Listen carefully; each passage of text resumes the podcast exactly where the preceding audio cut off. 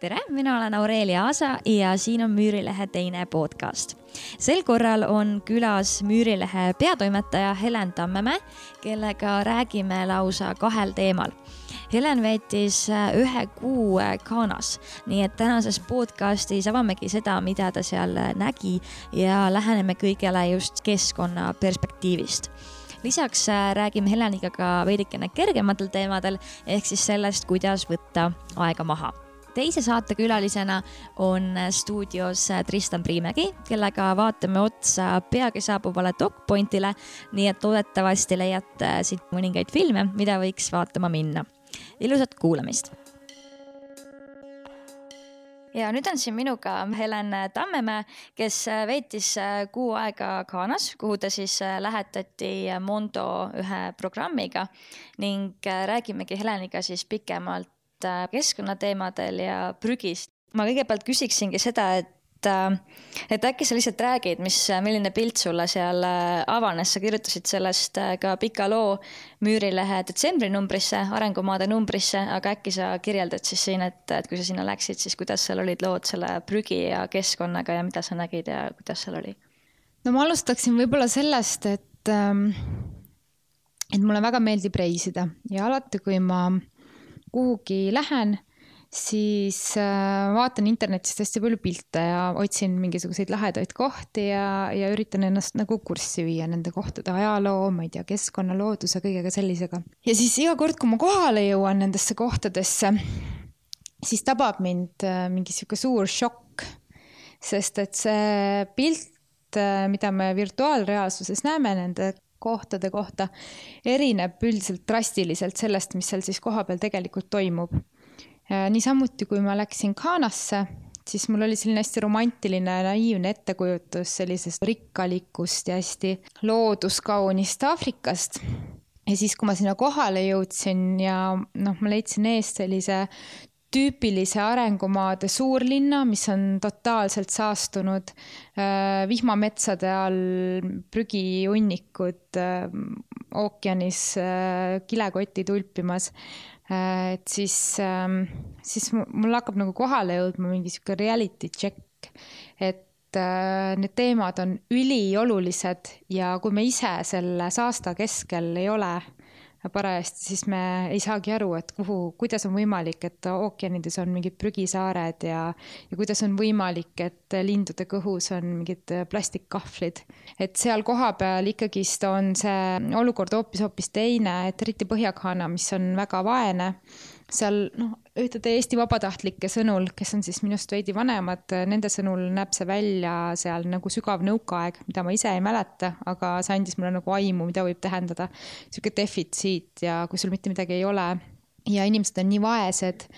et keegi ei jõua seal mõelda mingite keskkonnasäästlike valikute peale ja neid ei olegi seal, see on põhiline, et tegelikult on ka selline asi, et näiteks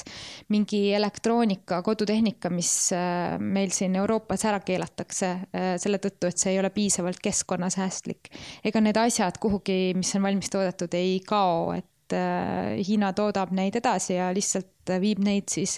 aina kasvavatele Aafrika turgudele samamoodi näiteks sama asi, mida ma seal artiklis ka kirjutasin, et et ühelt poolt on juba riike, kes on siis keelanud kilekottide kasutuse, aga samas see on selline poolik äh, seadus, et näiteks kui sa oled mingi vaene turukaupmees ja sa müüd näiteks mingeid vürtse ja sa oled mingis tohutus palavas ja vihmahooajal ka väga niiskes kliimas, siis mille sees sa neid vürtse peaksid seal nagu müüma et kui mingit alternatiive ei ole, siis seal on ka tekkinud näiteks äh, must turg nendele kilekottidele, äh, mis tähendab seda, et kõige vaesemad ühiskonnakihid, kellel näiteks ei olegi mingit muud varianti, kui turul oma neid vürtse müüa või mingit, mingit lahti lõigatud puuvilju, et siis nad äh, selleks, et ellu jääda, ikkagist kasutavad neid kilekotte ja siis väga karmide selliste Aafrika seaduste tõttu satuvad ka näiteks kilekoti kasutamise eest vanglasse, sest neil ei ole raha, et trahvi maksta et see probleem seal on niivõrd ulatuslik ja niivõrd keeruline, et üksikisiku tasandil seda kindlasti lahendada ei ole võimalik. aga kuidas sa selle valguses just nüüd vaatad siis äh, võib-olla meie sellist tarbimist, et äh, siin ju väga palju selles mõttes raisatakse, vaatamata sellele, et meil on siis nii-öelda võimalusi teha valikuid, et äh, kuidas, kuidas sa näed, kas sa arvad, et, et kui inimesed muudaksid ikkagi siin oma valikuid, siis, siis kas olukord muutuks või see on pigem nagu selline unistus või kuidas sul on tunne? no nii ja naa, selles mõttes, ma ise saan ka aru sellest, et ükskõik kui keskkonnateadlik ma ei tahaks olla, siis ma ei suuda olla ka mingi musternäide, et äh, vahest on kiire ja on midagi vaja ja sa ei jaksa kulutada nii tohutult energiat selleks, et kaevuda, kust miski pärit on ja, ja mõnikord ka mina nagu selles mõttes nagu libastun, on ju. et ma ei ole kindlasti musternäide keskkonnateadlikkuse koha pealt, aga ma arvan, et selline üleüldine teadlikkus selles mõttes nagu on äh, vajalik, et et äh, noored inimesed, kes näiteks toodavad ise mingeid riideid või ma ei tea, tegelevad mingi tehnoloogia valdkonnas, et mida rohkem me saame aru sellest keskkonnahoiu vajalikkust, seda rohkem me integreerime seda teadlikkust siis ka sellesse oma igapäeva. et selleks, et nüüd hakata keskkonnaaktivistiks, ei pea kardinaalselt muutma oma eriala, sa võid teha seda siis selle asja sees, mida sa parajasti teed. et kasvõi see, et meil on kultuurileht, müürileht, aga me räägime keskkonnateemadest samavõrra kui äh, kultuuriteemadest, et see on ka üks kultuuri kultuuri osa. või siis äh, noh, et mida iganes, et näiteks, et kui inimesed ei olegi võimelised oma prügi sorteerima ja tulebki välja, et inimesed lihtsalt ei, nagu psühholoogiliselt äh, ei ole võimelised seda tegema, siis tuleb lihtsalt võtta kasutusele siuksed tehnoloogiad, mis on võimelised seda prügi sorteerima ja käitlusesse suunama. et selles mõttes ma arvan, et Äh, Eesti osas ma olen optimistlik, sest Eesti on väga puhas ja Eestis tegelikult ka väga mitmed sellised äh, ümbertöötlemise süsteemid on hästi tööle läinud. et ma näen seda, et ka valitsuse tasandil tegelikult ikkagist keskkonnateemadest aina rohkem mõeldakse ja kuigi see käib nagu teosammul, siis sellega võrreldes, mis toimub arengumaades, on meil olukord ikkagist väga-väga hea. et Tallinnas ringi kõndides ma ei, ei tunne peapööritust, sest ma olen pidevalt mingisuguse selle heit heitgaaside sees on ju, et selles mõttes meid on siin vähe ja ma arvan, et üldplaanis nagu pilt on suhteliselt hea. aga samas see ei tähenda seda, et saaks nagu väga vabalt võtma hakata, et see innovatsioon, mis on vaja läbi viia, on niivõrd mastaapne, et mina näeksin siin pigem seda, et et kui me siin juba suudame mingid lahendused välja töötada, et varem või hiljem läheb neid ka seal arengumaades vaja, et siis on, oleks võimalik meil juba eksportida mingit reaalselt nagu väärtust andvat äh, teadmist sinna. nii palju, kui mina olen lugenud või vaadanud mingeid äh, dokumentaalfilme sellest, siis mina olen just aru saanud, et probleem on ka selles, et kui näiteks äh, seal maades on äh, suured tehased, siis tegelikult kogu see saaste lastaksegi sealt tehastest otse näiteks kohalikku vette või kuhugi näiteks maasse, et, et just need riigid, et seal ei ole seadistatud selliseid direktiive siis nagu näiteks Euroopa Liidus või, või Põhja-Ameerikas et ja üks selliseid suurimaid äh, saastajaid on just äh, riiete tööstus, et, äh, et sellised odav ketifirmad. aga ma mõtlen, et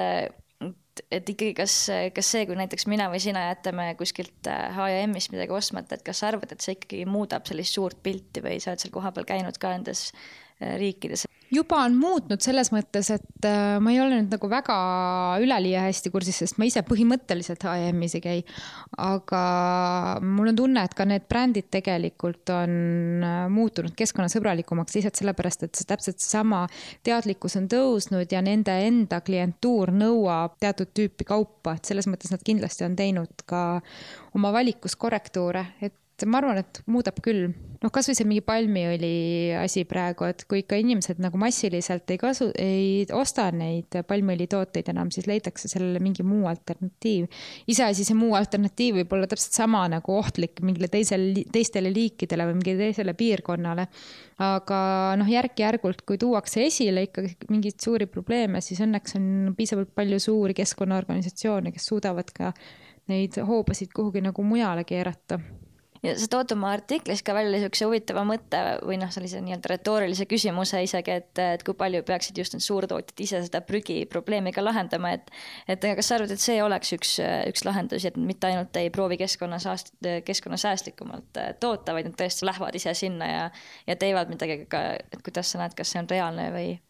no see on see suur sihuke majanduspoliitiline äh, küsimus siis, et, äh, et miks äh, mingisugused ettevõtjad ja sellised nagu väga tulised kapitalismi kaitsjad siis äh, on, äh, on väga hirmul sellest jutust, kui keegi räägib midagi postkapitalismist, et kardetakse tagasi, eriti Eestis kardetakse seda, et inimesed tahavad minna tagasi sotsialismi või kommunisti, aga tegelikult see kommunism, aga tegelikult see probleem, noh, mida mina nagu adresseerin, ei ole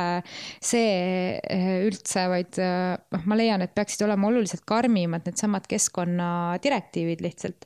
et ma ei, mina ei mõista seda, miks peaks äh, mingid valitsused kinni maksma äh, kellegi kasumi tagajärjel tekitatud keskkonnakahju, et põhimõtteliselt mul ei ole tegelikult kapitalismi kui sellise nähtuse vastu mitte midagi, aga see ei saa toimuda keskkonna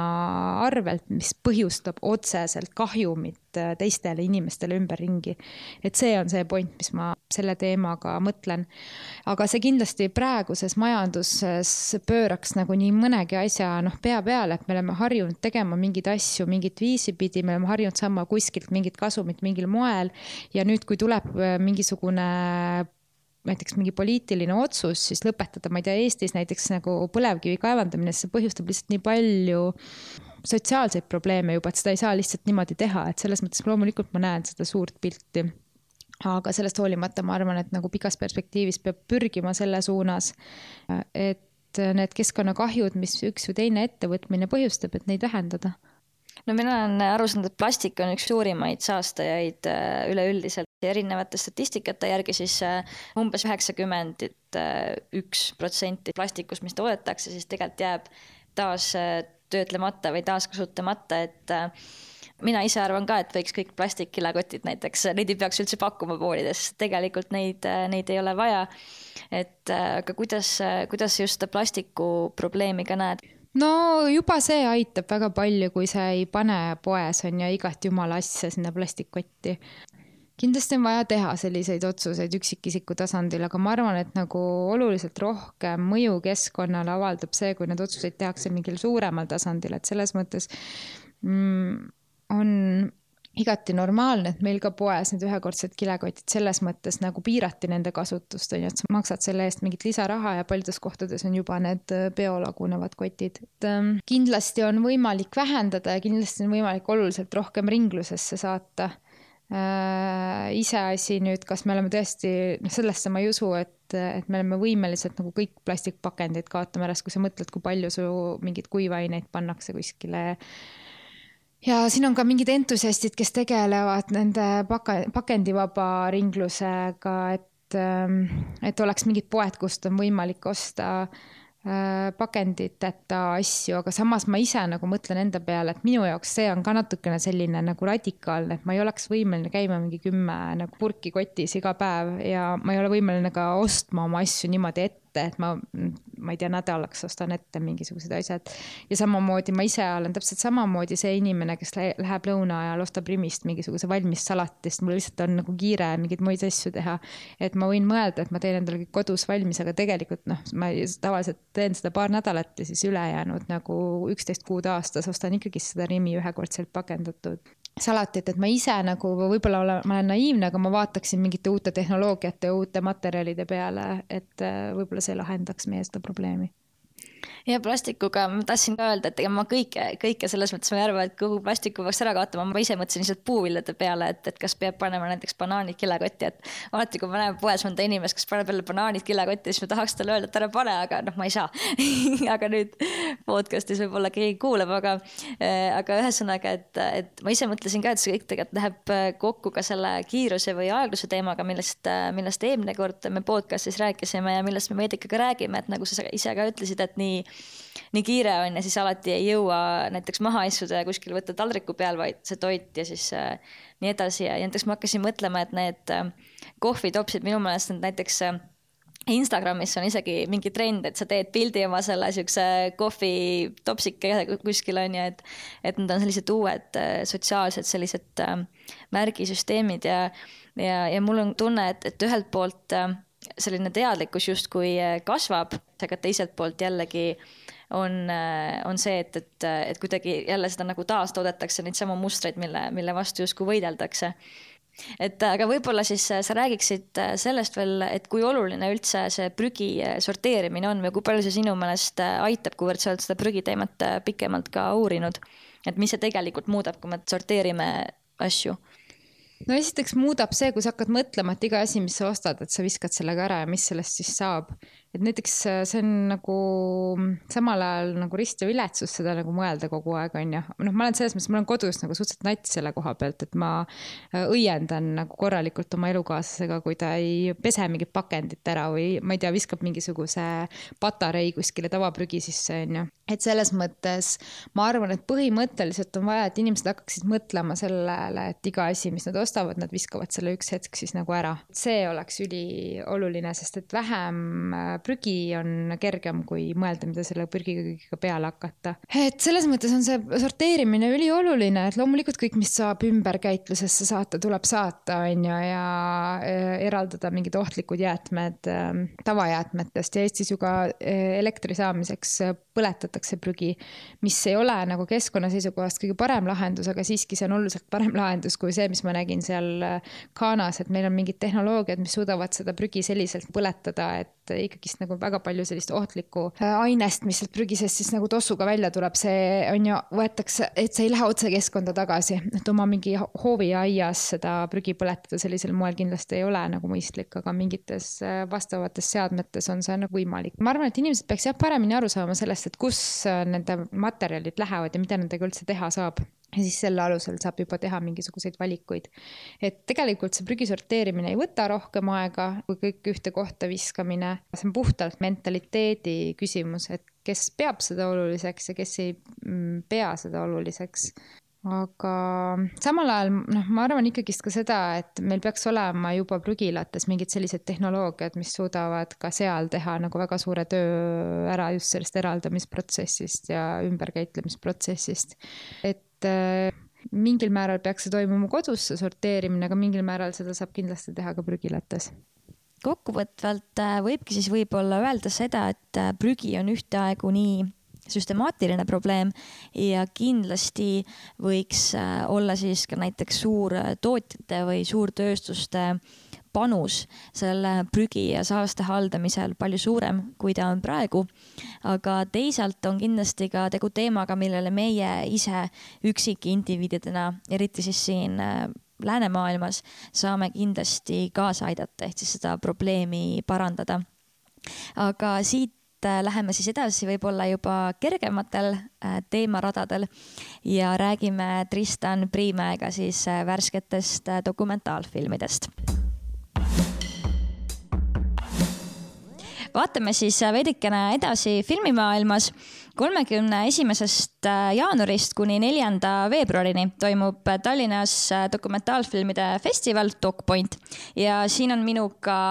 festivali äh, eestvedaja Tristan Priimägi. tere!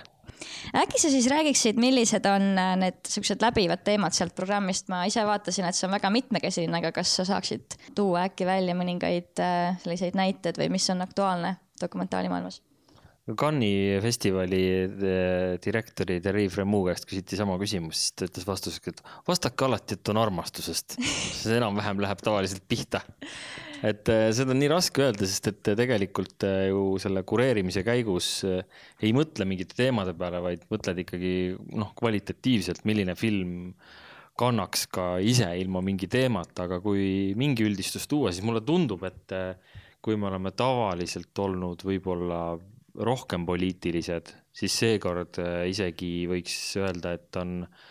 keskne teema võib-olla human interest. Ehk siis äh, võib-olla oleme me ise korraks pehmoks muutunud, võib-olla on äh, lihtsalt sellest äh, blogosfäärist ja sotsiaalmeediast tekkiva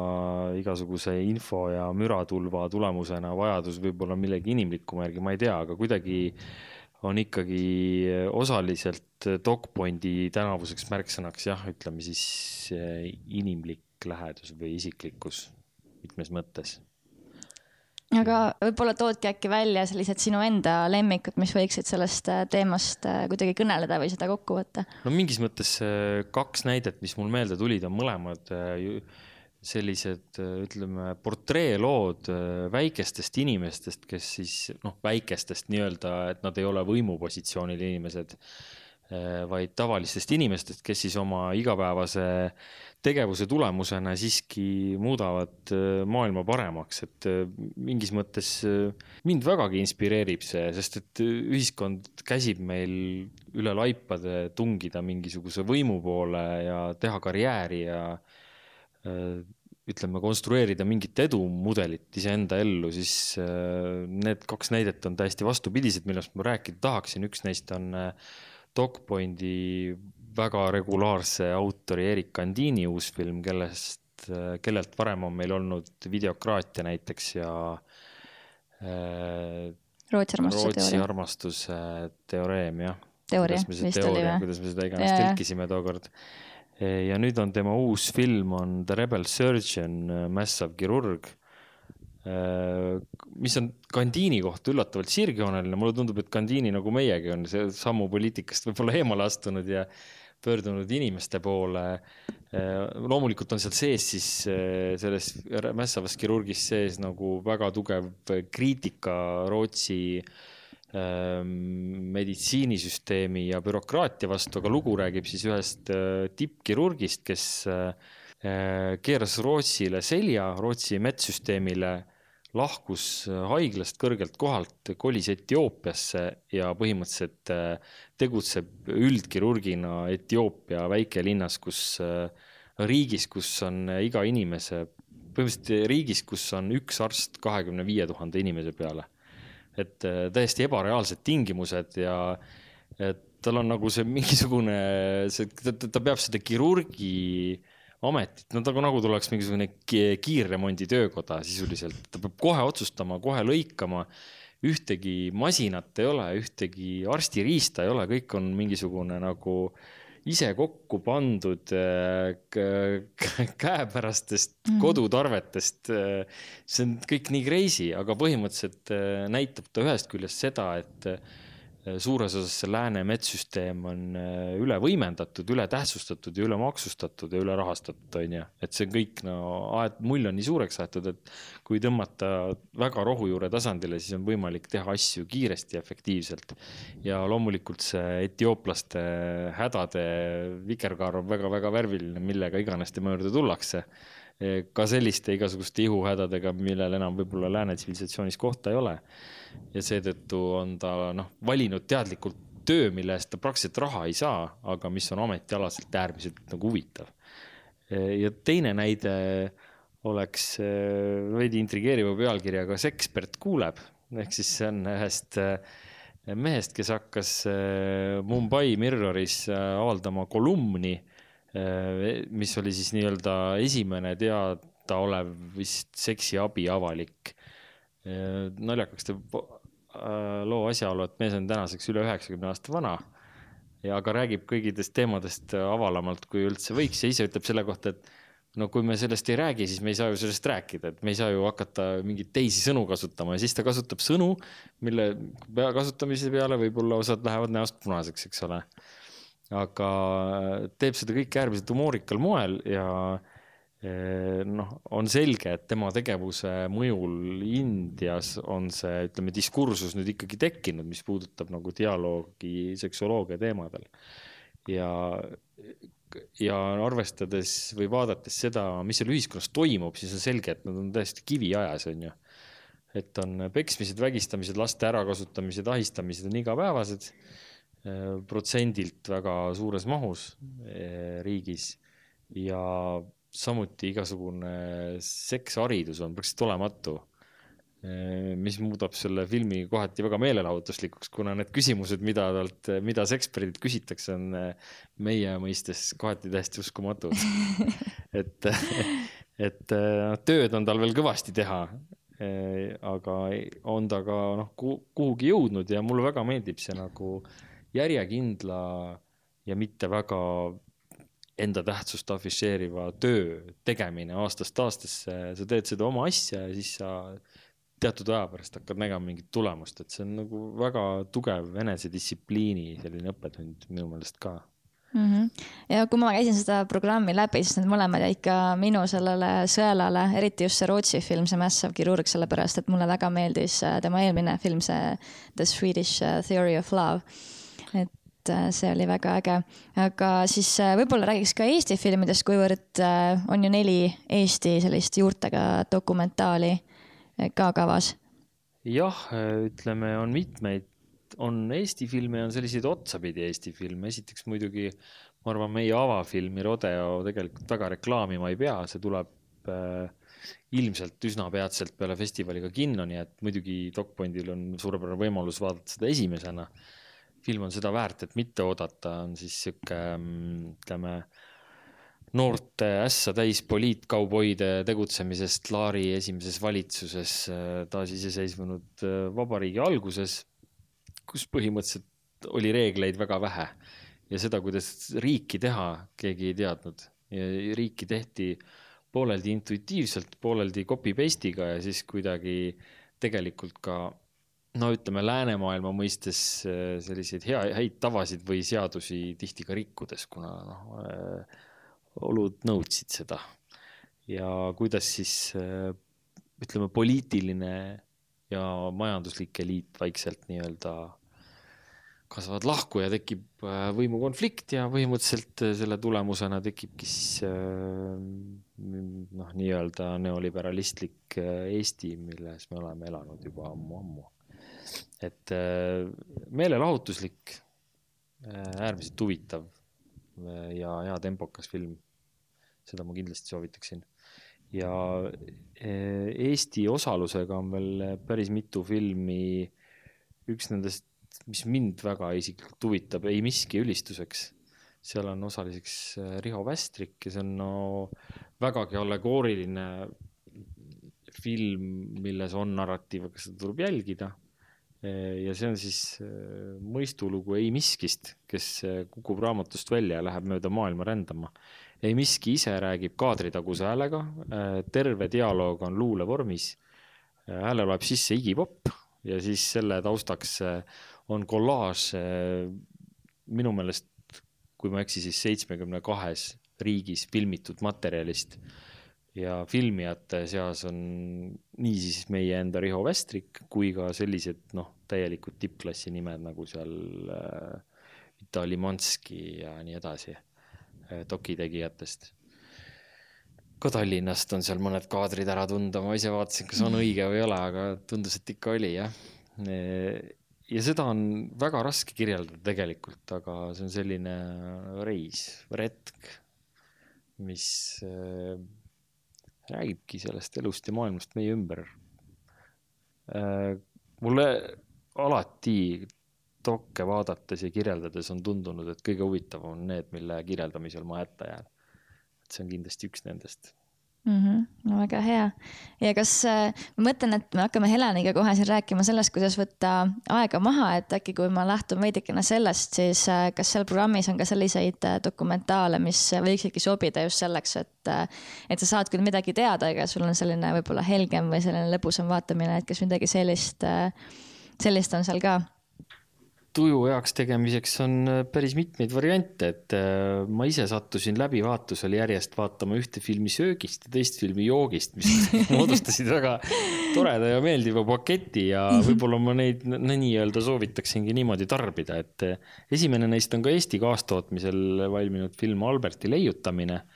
mis on siis äh, kuul-, kuulsa, kuul-, maailma võib-olla ühe kõige kuulsama koka Ferran Adria, kes tegi äh, restorani nimega El Bulli siiani üle, väidetavalt ületamatu gastronoomiline saavutus.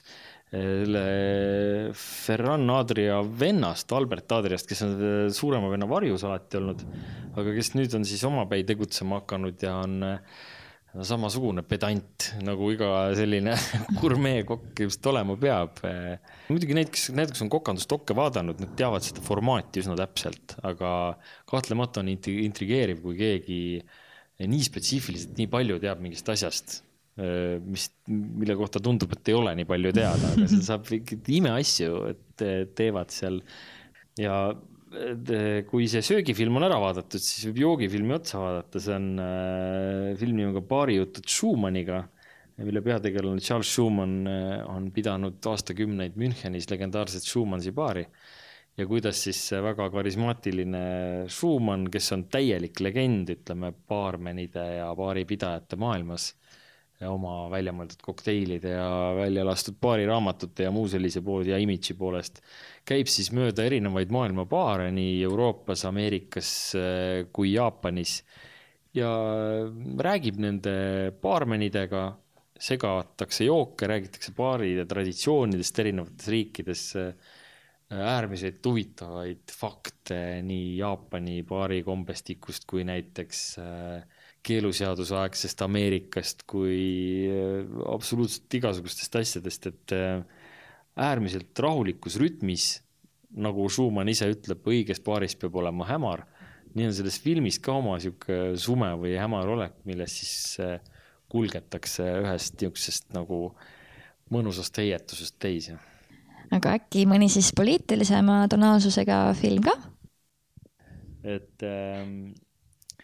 et kuna me mingis mõttes sellest human interest'ist juba rääkisime, siis DocPoint on ikkagi alati olnud väga-väga teemakeskne festival ka ja seekord eh, on üks minu meelest väga tugev ja täiesti unikaalne film on Isadest ja poegadest, mis on, eh, räägib tegelikult Talibanist. Ja sinna on infiltreerunud üks tüüp, kes siis väidab, et ta teeb dokfilmi nende ideid pooldades, et kas teda lubatakse lindistada ja ta on nüüd sellise noh, seal Talibani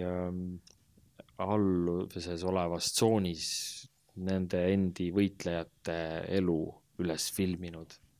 ja siis seda, kuidas nad siis selles oma puhtpatriarhaalses korras kasvatavad omaenda poegi uuteks võitlejateks juba väga-väga väikesest peale, sellepärast see isadest ja poegadest, sealt ka see pealkiri. ja see on eh, oma lihtsuses ja igapäevasuses täiesti šokeeriv tegelikult. ja seda vaadates saab selgeks, kui, võib-olla kui vähe me neist teame või siis kui vähe meil nagu lubatakse nendest teada meedia vahendusel, et meedia on ikkagi huvitatud teatud kuvandi loomisest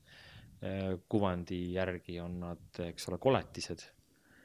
ja loomulikult äh, ei jäta film mingisugust kahtlust selles osas, et nad on nagu vaenlased meie jaoks nii kultuuriliselt kui religioonselt, eks ole.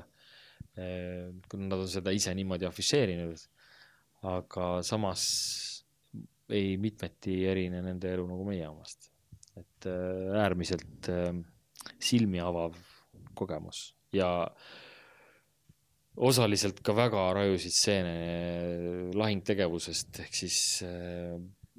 nad on kohati nii ohtlikus olukorras, et ma ise ei julge seda filmi vaadata ka, et mul on tunne, et ma kas lendan õhku kohe või saan kuuli pähe. et see oh. tuleb, see tunne tuleb, see ängistus ja ärevus ja tohutu adrenaliin tuleb ikkagi täitsa läbi ekraani vaatajani ja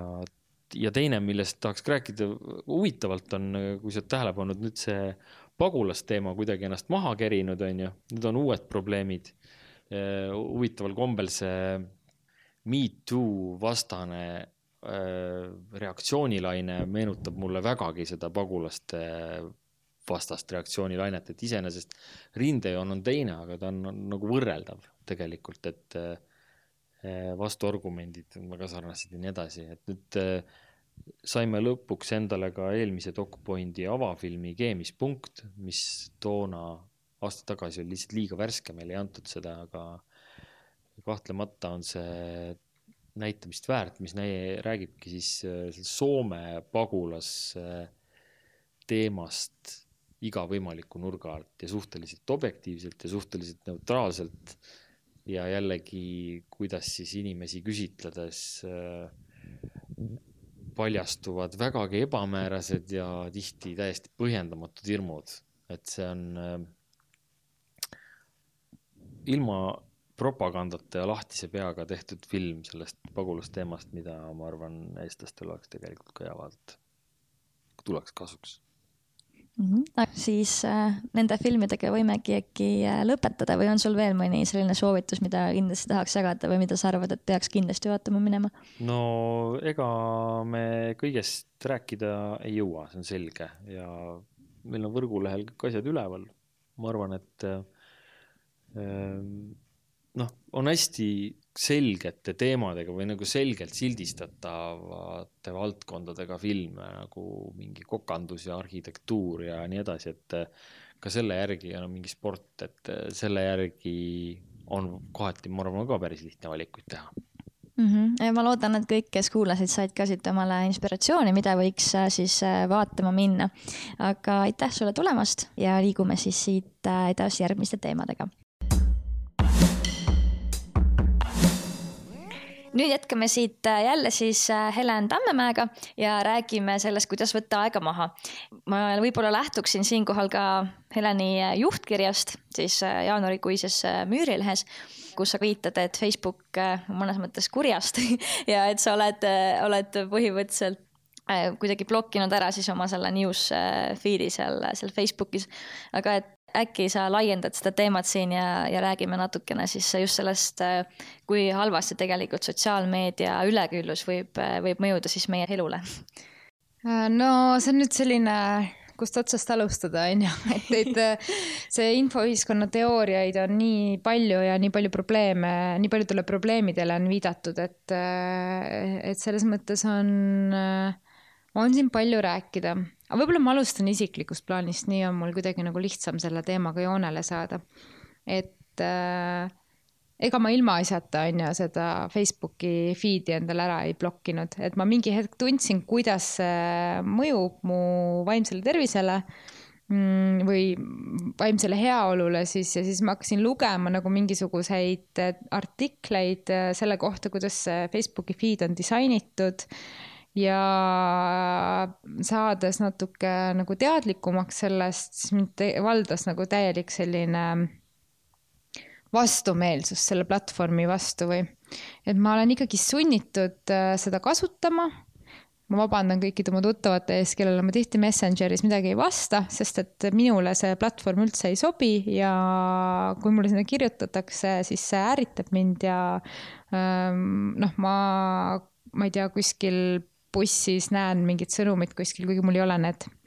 nii-öelda seadetes sees, on ju, et ta mulle märku annab, et sinna on midagi tulnud, aga igal juhul mulle ei meeldi niimoodi jooksu pealt nagu asju ajada ja eriti niimoodi message ite teel, et see ei ole üldse minu teema, ma räägin telefonis inimestega, saan kokku või siis kirjutan meile. Äh, ja ühesõnaga, see Facebooki sein on disainitud siis sarnaselt nagu see mõjub meie ajule nagu narkootikum, on ju, et me tahame muudkui scroll ida, see stimule-, stimuleerib meid niimoodi, et me tunneme mõnu sellest scroll imisest seal ja siis samal ajal satume kogu aeg mingitesse emotsionaalsetesse nagu seisunditesse, sest et äh, kogu aeg toimuks justkui ühiskonnas mingid pöördelised nagu, ma ei tea, kriisid või või äh, konfliktid või skandaalid. et äh, noh, ma leian, et ma ei pea niimoodi igapäevaselt elama. ja sellepärast ma siis blokkisin enda selle mm, seina seal ära, aga ma ütlen, et mul ei ole võimalik sealt täielikult lahkuda, sest et äh, Facebook on nii kavalalt oma ärimudeli üles ehitanud, et müürilehte tehes siis on see oluline, et me oleksime seal ka olemas aga ma loodan siiski seda, et, et lähiaastatel veel võib-olla see platvorm ähm, kukub kokku, et mul on tõsine selline lootus ja sellest ma ei taha ka panustada sinna, et see nagu püsiks, et ma väga harva postitan sinna midagi enamasti seoses siis ka nagu töö eesmärkidega. Ja noh, selle Facebooki sõltuvusega või noh, mitte ainult Facebook, arvan, et ma arvan, et Instagram ka sinna hulka läheb praegu, et kogu see fear of missing out, et see on ju hästi populaarne väljend praegu, et sa pead pidevalt siis justkui olema teiste eludega kursis ja mul tuli väga hea film praegu meelde, ma soovitan kõigil vaadata, sihuke film nagu Ingrid Goes West, eh, eelmise aasta film, eh, mis siis tegelikult eh, näitab seda, kui, kui kaugele võib selline sotsiaalmeedia sõltuvus minna, et see on selline väga kurb, irooniline vaade sellele, et siit väike selline põige. Aga mul on ka see probleem, nagu sinagi välja tõid, et, et, et ei saagi sellest noh, sotsiaalmeediast justkui ära minna, et näiteks mina ka töötan või noh, tähendab isegi see pole ainult mu tööga seotud, vaid ka näiteks kooliga, et, et ma õpin praegu magistris ja põhimõtteliselt ma arvan, et pooled kooli sõnumid ei jõuaks minuni, kui mul ei oleks Facebooki, mis ka muidugi näitab, et see süsteem on juba niimoodi üles ehitatud, et sul lihtsalt on vaja seal olla, et, et.... jah, mul on täpselt samamoodi, et tegelikult ma kustutasin üks hetk Facebooki ära väga egoistlikult, teatasin oma kolleegidele, kes meil ka neid sotsiaalmeediakontosid siis haldavad, on ju, et mind ei ole ja teie peate nüüd tegema neid postitusi üritusi ja ma ei taha seal olla nii ja naa. ja mu elu oli väga ilus ja idülliline, noh, tõesti oli aga siis ma läksin kooli ja mm, samamoodi meil kooli asju, kuna me peame kursusega väga palju omavahel koostööd tegema, kuna meie see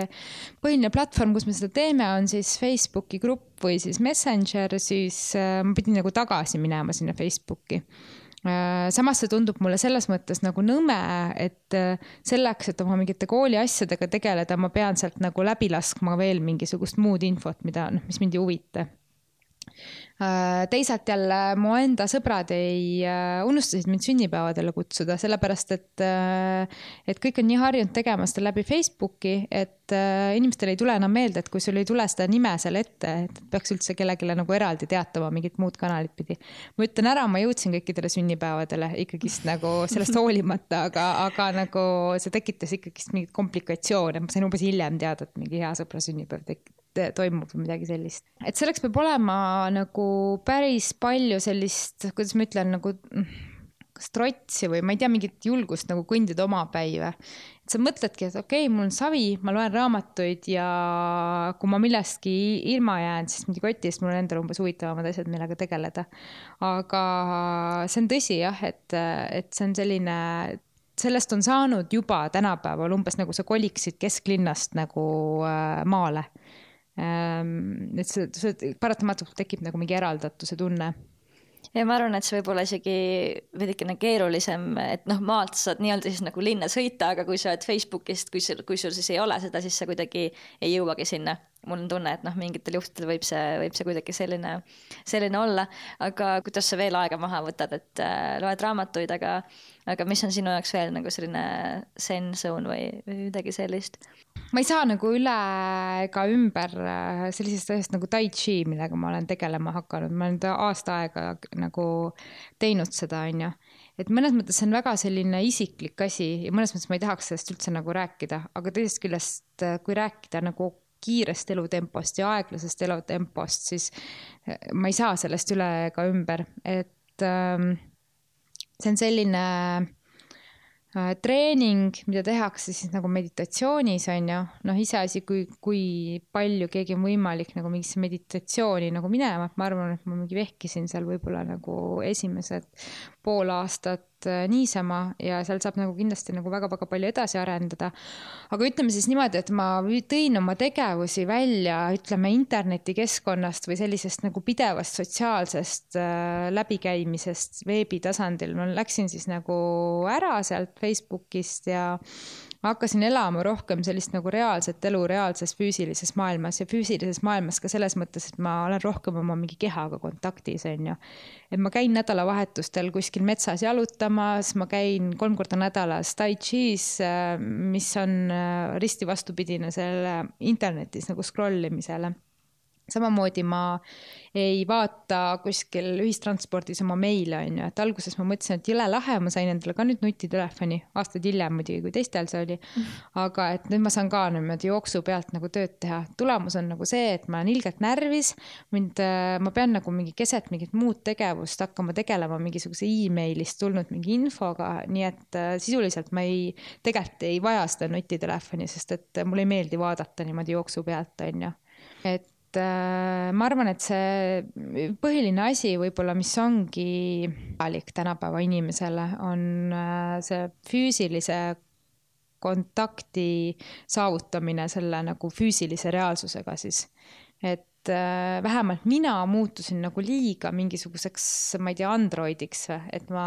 tundsingi üks hetk, et ma olen nagu see mingi kapslis elav nagu maatriksi tegelane, kes elab nagu mingites illusioonides, seal interneti illusioonides aga kontakt selle päris reaalsusega on nagu hõre. et selles mõttes ma jalutan palju, ma käin looduses, teen sporti, loen nagu raamatuid, kus mul vahepeal ei teki kiusatust nagu avada mingisugust muud lehekülge, on ju et ka ma olen õppinud uuesti lugema võib-olla mingit lineaarset kirjandust, et ma ei loe niimoodi, et ma poole artikli pealt hakkan juba mingit järgmist artiklit lugema ja siis vahepeal guugeldan mingist Vikipeediast, et mida mingi asi tähendab ja kust see tekkinud on. et äh, lõpuks oledki sellise lõhkise küna ees, et sul on tunne, et sa, sa kunagi nagu ei jõua sinna lõppu, on ju, et selles mõttes väljaspool seda internetimaailma on kuidagi mõnusam minu meelest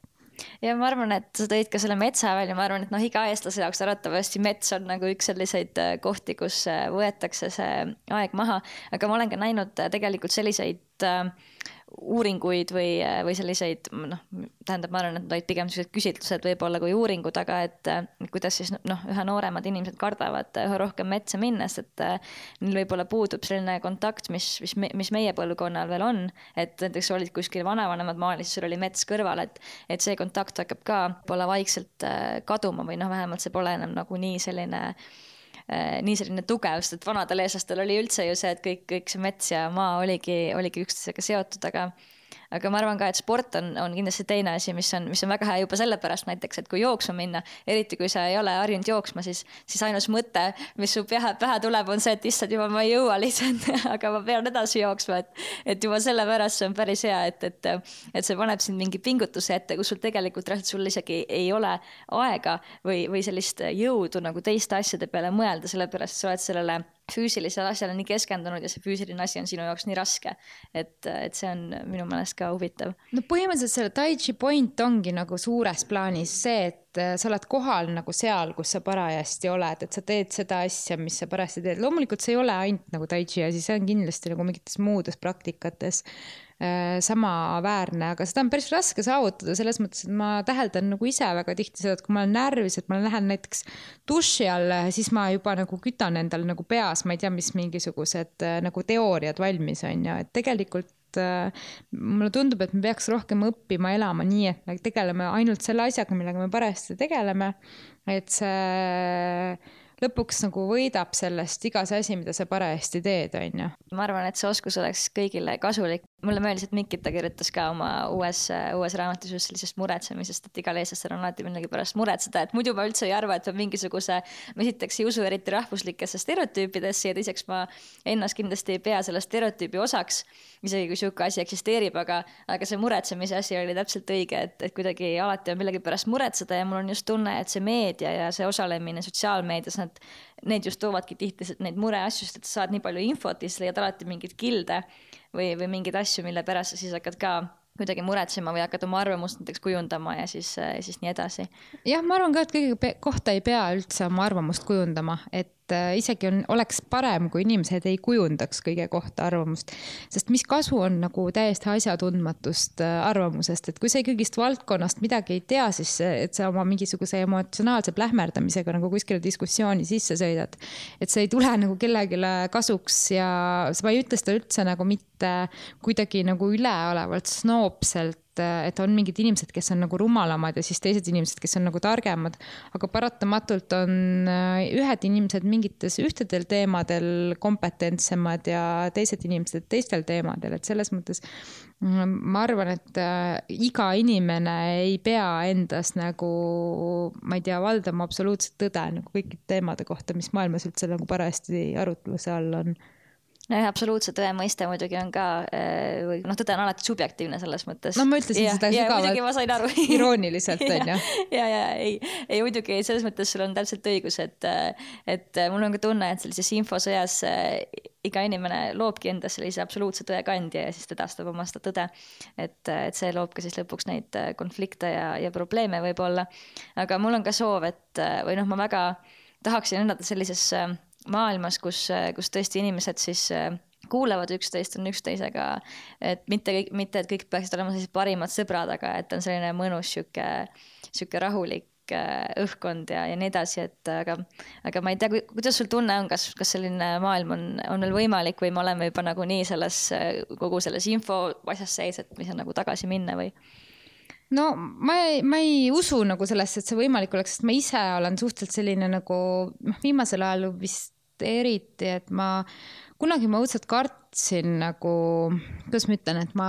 tahtsin olla hästi paljudele inimestele meele järgi ja kui ma ei olnud kellelegi meele järgi, siis see tekitas minus mingit sisemist sellist nagu paanikatunnet, onju. et selles mõttes ma olen nüüd natukene nagu suuremaks võib-olla kasvanud, et ma saan aru, et mul on äh, paljudest asjadest äh, erinev nägemus kui paljudel teistel inimestel. Ja ma olen päris tuline vaidleja ja selles mõttes mulle meeldib, kui ma näiteks vaidlen mingi intelligentse inimesega, kes võib minust arvata nagu täpselt risti vastupidi, aga see lõpuks nagu ka noh, aitab mind nagu asjadest paremini arusaamisel, et selles mõttes ma arvan, et inimesed võivad nagu kakelda ja vaielda ka. vahest on vaja seda, et sul on vaja vahest ennast kehtestada ja mõnes mõttes konfliktid on nagu vältimatud, on ju. ma arvan, et praegusel maailmal ei ole tegelikult mitte midagi häda, et ma arvan, et maailm ei ole oluliselt muutunud, kui see oli varem, et et äh, see, et meil on sotsiaalmeedia nagu esile toonud mingisuguseid asju, ei tähenda seda, et me varem ei olnud erinevatel arvamustel. lihtsalt ma arvan, et inimesed ei peaks nii palju energiat kulutama, et nad ei peaks nii kohutavalt tõsiselt võtma kõike seda, mis äh, kuskil, ma ei tea, arvamusplatvormidel toimub, on ju. et selles mõttes, äh, kui nagu laiemalt vaadata, siis tegelikult ma arvan, et et leiab neid nagu harmoonilisemaid keskkondi ja vähem harmoonilisemaid keskkondi ja maailm on kogu aeg ühesugune olnud ja jääb ka tõenäoliselt, et ka seal meie enda loodud nagu küberruum on mõnes mõttes ikkagist nagu loodusosa, on ju, et äh, ei ole midagi väljaspool seda keskkonda, kus me oleme, isegi kui me siia ise mingeid asju nagu juurde tekitame. et selles mõttes ma ei arva ikkagist äh, seda, et äh, mul on tunne, et maailm on tegelikult kogu aeg ikkagist ühesugune et see, kuidas me sellega suhestume, on inimeseti erinev ja kuidas me seda tõlgendame, on ajastuteti nagu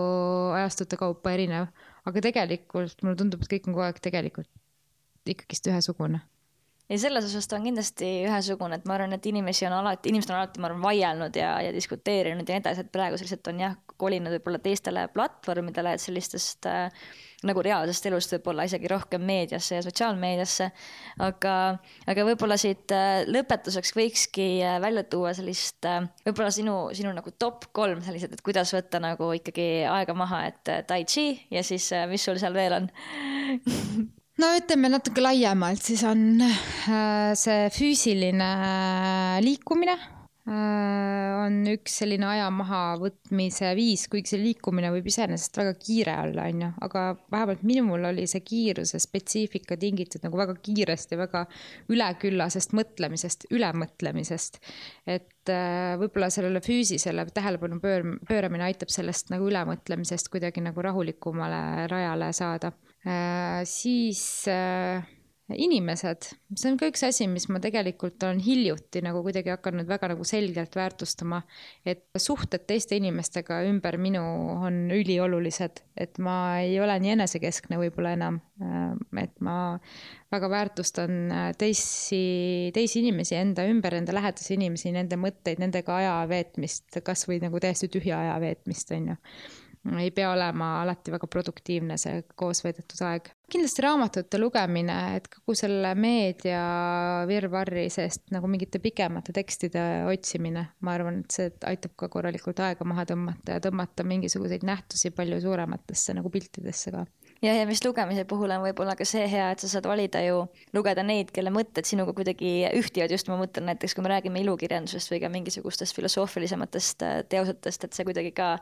aitab sulle võib-olla tunda, et, et kõik on tegelikult hästi ja et maailmas on nii palju ilusaid mõtteid, vähemalt minu jaoks see tihti, tihti on nii. Mina loen ka väga tihti just selliseid autoreid, kellega ma üldse nõus ei ole, et paremini argumenteerida seda, et miks ma nõus ei ole et selles mõttes nagu, aga kui sa loed mingit äh, nagu pikka teksti, siis see on äh, igal juhul nagu rahulikum lugemine on ju, kui mingisugune emotsioonide tasandil nagu rusikate vehkimine. juba, kui sa raamatu kätte võtad, siis on väga raske samaväärselt närvi minna, kui Postimehe või Päevalehe esilehe avamisel on ju. ja, ja ei loomulikult ja siis äh, võib-olla siit äh, veel ka see, et üks, üks, mis on minu jaoks, mis läheb meil väga paljuski kokku, et, äh, et ka loomulikult loodus ja see liikumine ja, ja kõik see. aga üks, üks asi, mis on minu jaoks ka üks mu lemmiktegevusi maailmas on, on võib-olla see, et mul on pitsa ja, ja siis mul on mingid üheksakümnendate filmid või seriaalid, siis ma olen hästi õnnelik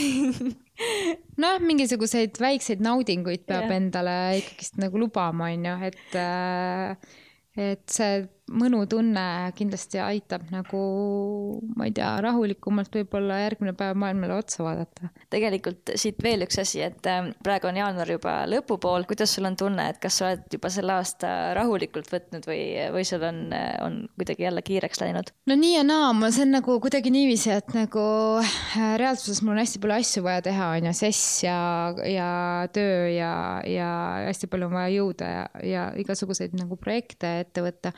aga ma arvan, et see aeglus tuleb pigem sellisest nagu sisetundest, et ma mm, olen kindlasti rahulikum võib-olla kui äh, paar aastat tagasi, et see rahulik nagu periood või sihuke tasakaalustatus mu sees aitab mul asju nagu kuidagi rahulikumalt võtta, kuigi kui ma vaatan objektiivselt oma märkmikku, on ju, siis ei, ei saaks öelda, et oleks väga rahulik